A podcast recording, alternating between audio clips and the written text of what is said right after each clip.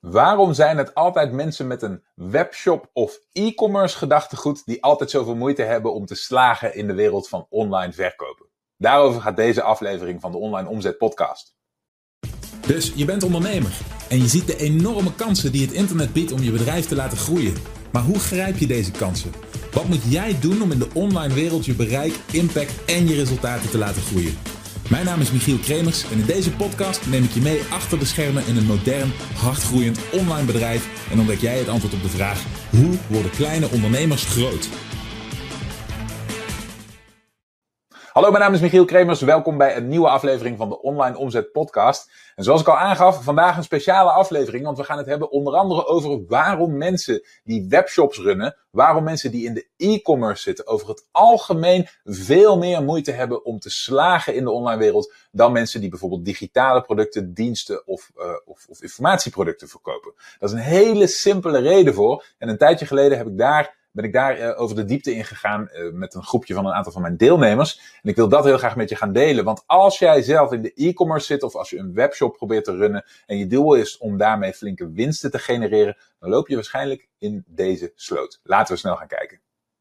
Wat ik nog te veel zie gebeuren, is dat mensen, hè, ondernemers, zich te veel richten op wat zij denken wat, ze, uh, wat zij denken dat verkocht moet worden, wat zij denken dat leuk is, wat zij zelf interessant vinden, versus de markt geven waar de markt op zit te wachten. En ik wil dat verschil nog een keer uh, onderstrepen, nog een keer duidelijk maken vandaag. Want het is te belangrijk om te negeren. En ik zie dat uh, jullie in ieder geval allemaal volgens mij hartstikke je best doen om, om dat te, te eren, hè, die, die, uh, die realiteit. Maar het is niet eenvoudig. En ik dacht, volgens mij kan het geen kwaad om daar nog een keer op in te gaan. Want wat ik zie gebeuren is dat nog steeds een aantal van jullie worstelen met um, het verschil tussen wat ze hebben bedacht en waar ze enigszins invested in zijn, waar ze moeite voor hebben gedaan, waar ze al lang over na aan het denken zijn, waar ze al lang mee stoeien om er een bedrijf omheen op te bouwen. En, en die gedachte te zetten tegenover wie is nou eigenlijk mijn doelgroep en waar zitten die nou echt op te wachten? En je rol als ondernemer, ik weet het is met de lichtval altijd een klein beetje onduidelijk. Ik zet hem zo scheef mogelijk, maar je ziet hier één persoon versus de massa, oké? Het, het probleem wat ik hier zie is, veel van, van ons, veel van jullie, hebben de neiging om hun ene enkele uh, realiteit, hun ene enkele uh, individuele gedachten of, uh, of, of ideeën te forceren op de massa. En de massa heeft de macht. De massa kan dat negeren. De massa kan zeggen, dat is allemaal leuk en aardig, maar daar hebben we geen interesse in. Wat krijg je dan? Dan krijg je heel veel moeite, dan krijg je heel veel werk, dan krijg je heel veel energie. En dan krijg je vervolgens geen resultaat. Oké? Waar zie ik dit nu in gebeuren? Dit zie ik gebeuren, om dit even concreet te maken. Hè? Dit zie ik gebeuren in een aantal deelnemers die uit de e-commerce, uit het e-commerce gedachtegoed komen die uit de webshop denkwereld komen. En dan heb ik het over kledingwinkels, dan heb ik het over um, het verkopen van tastbare goederen, dan heb ik het over va vaak cosmetica, allemaal van dit soort dingen.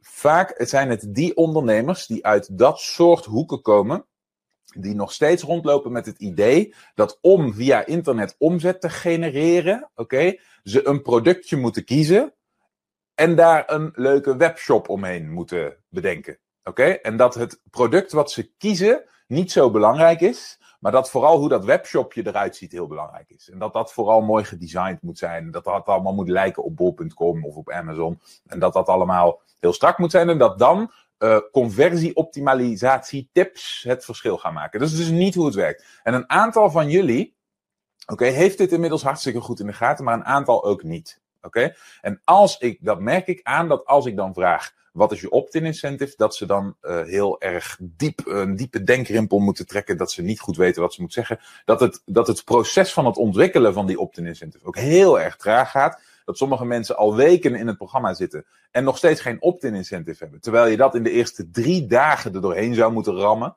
Oké, een opt-in incentive is net genoeg waarde creëren dat iemand er erg graag zijn e-mailadres voor achterlaat. Oké, meer dan dat is het gewoon niet. Oké, als je daar heel veel moeite mee hebt, dan betekent dat 9 van de 10 keer dat je nog te veel in de wereld van ja maar, Ja, maar mijn product, dat leent zich daar niet voor. Ja, maar ik heb toch een webshop. Ja, maar ik zie die connectie niet. Oké, daar zit het probleem. Dan ben je nog te veel bezig met de markt willen aanpassen aan jou. En de markt past zich niet aan aan jou. Het hele idee van een ondernemer is dat die zoekt naar wat de markt wil. Die zoekt naar de ingang, die zoekt naar, ah, daar zit de markt verlegen om iets. En dat kan ik creëren. En dat, dat creëren van, van waar ze verlegen om zitten, oftewel het stukje complexiteit daarvan, dat own ik. Dat eet ik op. Dat neem ik voor mijn rekening. En in ruil daarvoor maak ik het gemakkelijk voor de markt om die oplossing te verkrijgen. En het enige wat ze dan nog hoeven te doen, is er geld voor betalen.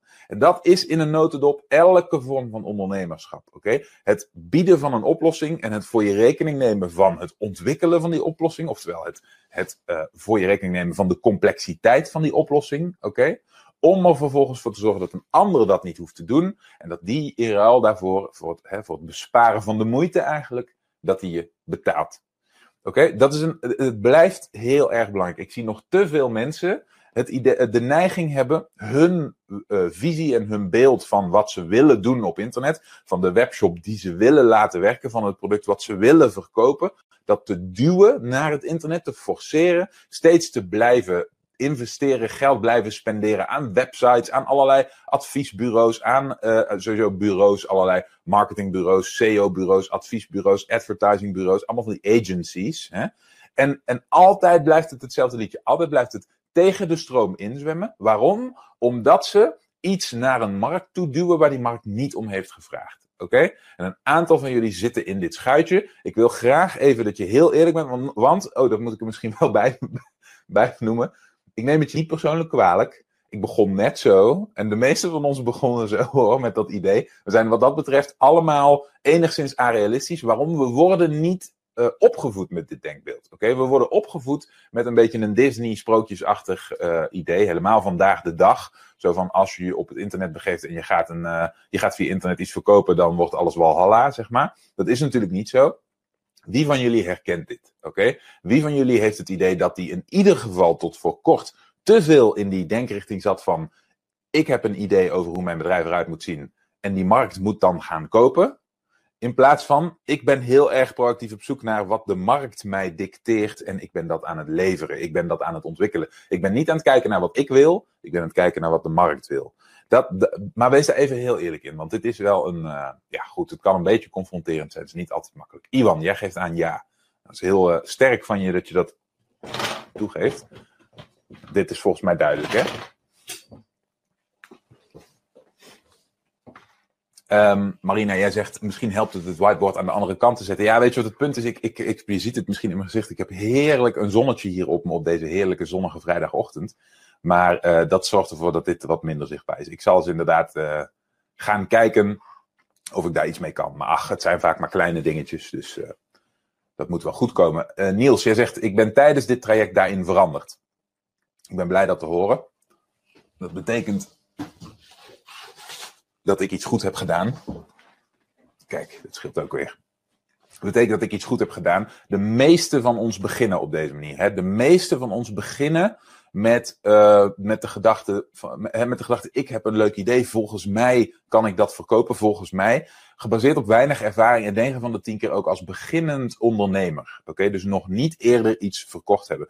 En uh, wat een van de doelen die ik heb, Oké, Jessica, jij geeft ook aan dat je hoopt te zijn veranderd, maar nog zoekend, moeilijke markt. Klopt, geldt voor veel van ons. Wat het, de, de, de transitie die je doormaakt, eigenlijk de transformatie die je doormaakt, is eigenlijk van civilian, hè? je bent eigenlijk geen gewone burger meer straks, naar entrepreneur, naar, naar ondernemer. En het, het verschil daarin is dat een ondernemer uit de fantasiewereld stapt. Die stapt uit de wereld van ik wil graag dat dingen op een bepaalde manier werken en die bijt zich vast in uitzoeken hoe ze echt werken. Uitzoeken hoe de realiteit in elkaar steekt. De aannames, of de, geen aannames doen, maar al zijn keuzes baseren op data, op informatie, op zekerheden. Oké? En dan actie ondernemen. Dus dat betekent dat als jij bewijs. En of, dan kom ik bij nog een obstakel. Uh, dus, dus om een voorbeeldje te schetsen. Stel dat jij erachter komt dat half Nederland zit te springen om uh, van die geurende gedroogde bloemetjes in zijn woonkamer. Hoe heet die dingen? Potpourri of zo. Hè, als je erachter komt dat iedereen daarop zit te springen, oké, dan een ondernemer zegt dan, oké, hoe kan ik laagdrempelig bakjes met potpourri gaan ontwikkelen, zodat heel Nederland daaraan kan komen? Een niet-ondernemer, een civilian, zegt dan, ja, hallo, ik hou helemaal niet van potpourri en ik zit helemaal niet in de potpourri business. Oké, vind ik helemaal niet, dat vind ik helemaal niet stoer en leuk, snap je? Ik zou niks hebben met zoiets. Maar ik zou, uh, dus, hè, ik zou niks hebben met dat product. Oké? Het is niks voor mij. Ik, ik heb geen potpourri in huis. De, dat, dat is niet mijn product. Maar ik zou het zo gaan verkopen als ik een markt in zag. Snap je? Dit is eigenlijk in een notendop wat ik bedoel. Oké? Ik hoor mensen zeggen: ik ben, uh, ik ben helemaal niet into de, uh, into de gezondheidswereld. En ik wil niet zo kort, zo'n kort door de bocht verkoper zijn in de gezondheidswereld die het gaat hebben over diëten. En die het gaat hebben over afvallen. En die gaat hebben over vet verbranden. Vervolgens zie je dat ze ontzettend worstelen, omdat ze het willen hebben over dingen die daar omheen bestaan.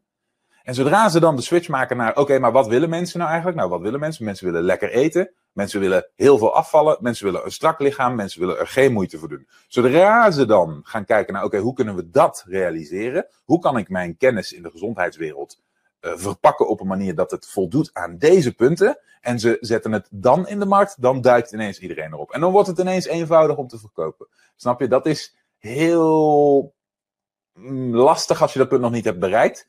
Maar eigenlijk, als je het me zo, waarschijnlijk als je het me zo wilt zeggen, heel voor de hand liggend. Heel logisch. We werken zelf op precies dezelfde manier. Als wij op Facebook allerlei advertenties langs zien komen, oké, die niet voldoen aan een probleem wat wij ervaren, of een uitdaging die wij zien, hè, of een stukje, stukje frustratie wat wij, wat wij voelen, dan gaan we er niet op in, dan zien we hem niet eens. Dan scrollen we door. Of dan klikken we hooguit uit interesse, hè, nieuwsgierigheid bedoel ik. Maar dan, dan hebben we niet een koopintentie en dan worden we er niet warm van. Oké, Dan willen we ons niet melden bij zo iemand. We willen die persoon niet gaan volgen. Dat is allemaal out of the question. Want het sluit niet aan op iets waar wij een emotionele reactie bij hebben. Een emotionele reactie ontstaat pas als iets uh, een negatieve associatie en dus een uitdaging, probleem, pijn, frustratie is voor ons.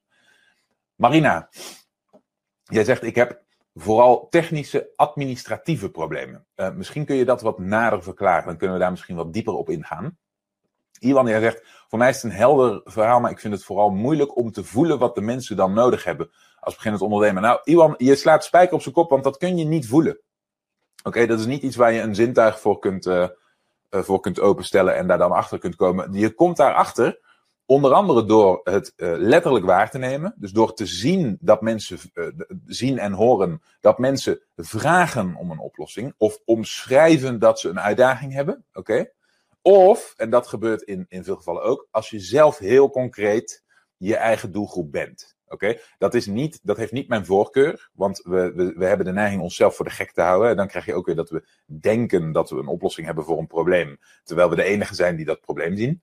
Dus daar moet je voor waken. Maar goed, als je realistisch genoeg bent ervoor, en dat zijn we ongetwijfeld, dan kun je wel zeggen: Oké, dit probleem heb ik zelf ervaren. Deze uitdaging ken ik. Ik weet dat er mensen in mijn omgeving zijn die hem ook hebben, of ik ken de doelgroep en ik weet dat ze met X, Y, Z probleem zitten. Oké, dan weet je het. Dus het is niet zo dat het een gevoel is. Het is een, het, is een, het is een stukje wetenschap. En als je het nog niet weet, wat ook voor veel ondernemers geldt, dat ze nog simpelweg zoekende zijn hiernaar, dan, is, dan, zijn, het, dan zijn dit de vragen die je stelt. Hè? De vragen zijn letterlijk, waar baal je van? Waar loop je tegenaan? Wat vind je lastig? Ik uh, heb uh, tot voor kort, voor, eigenlijk zit ik er nog middenin, een begeleidingstraject gedaan bij een bedrijf. Dat zijn engineers. En um, die, die ben ik aan het helpen met het opzetten van hun marketing.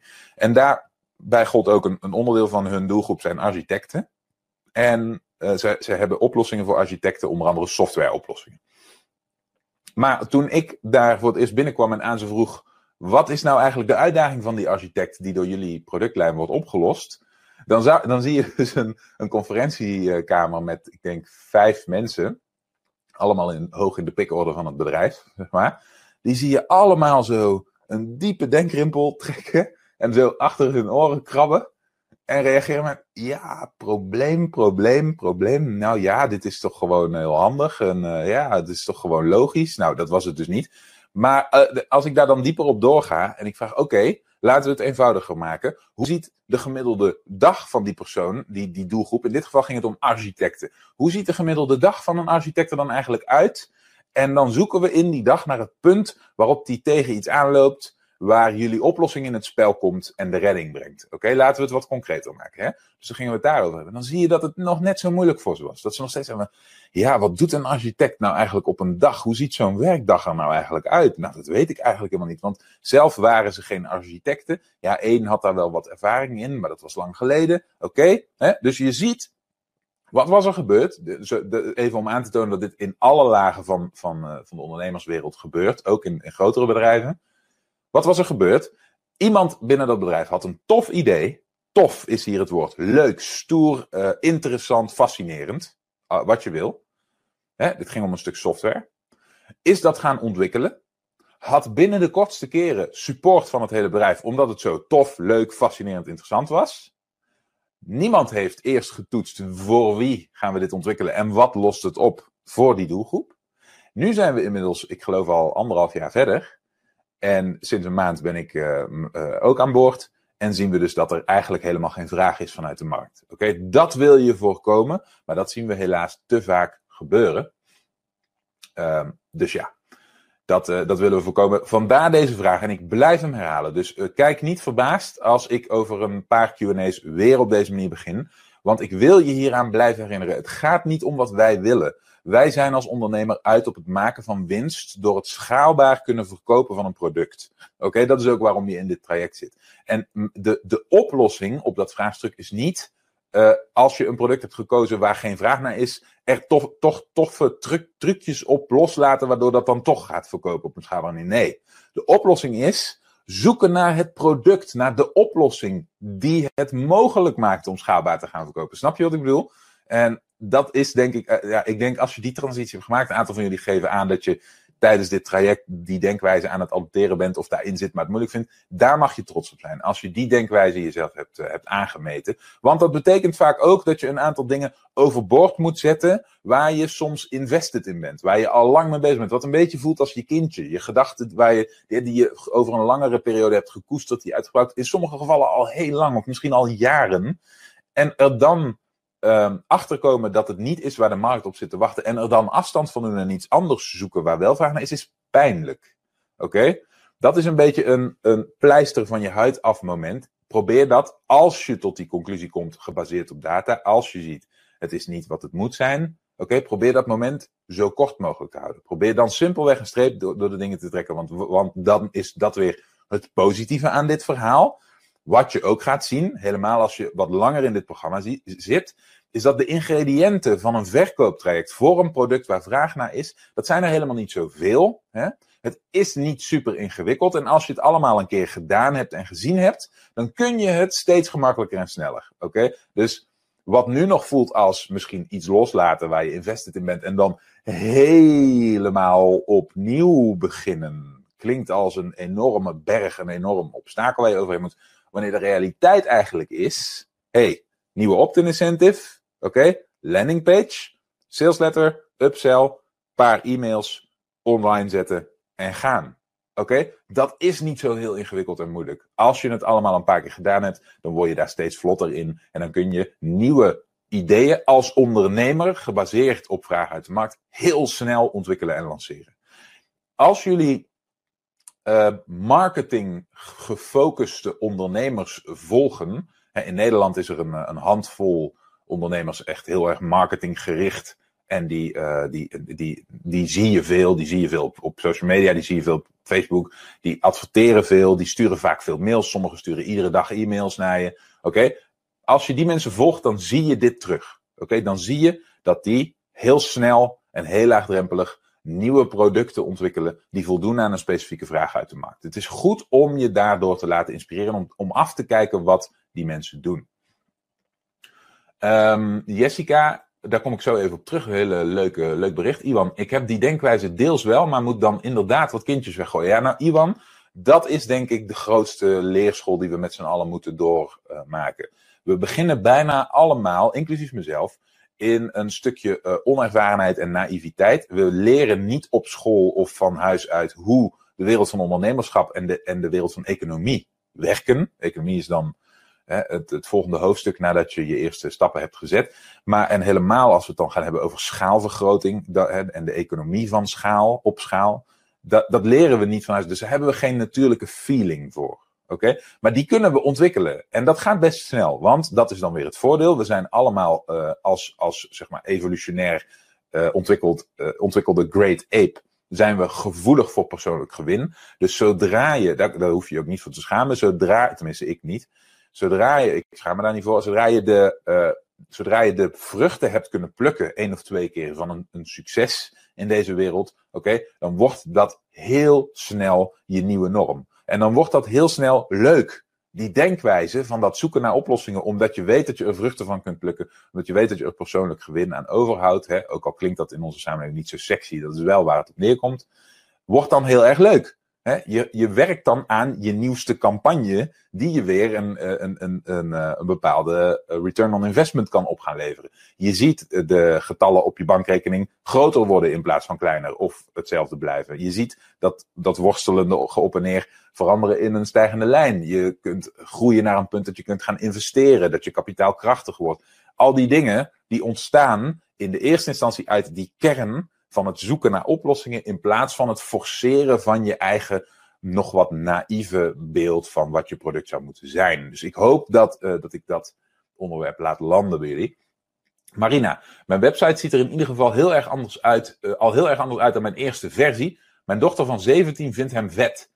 In de landingpage, uh, in de landingpage nu klaar om gratis sample te ontvangen. In 24 uur al een aantal aanvragen maar ook aan het nadenken over andere domeinnaam, financiële administratie ook nog aan het opzetten voordat het explodeert.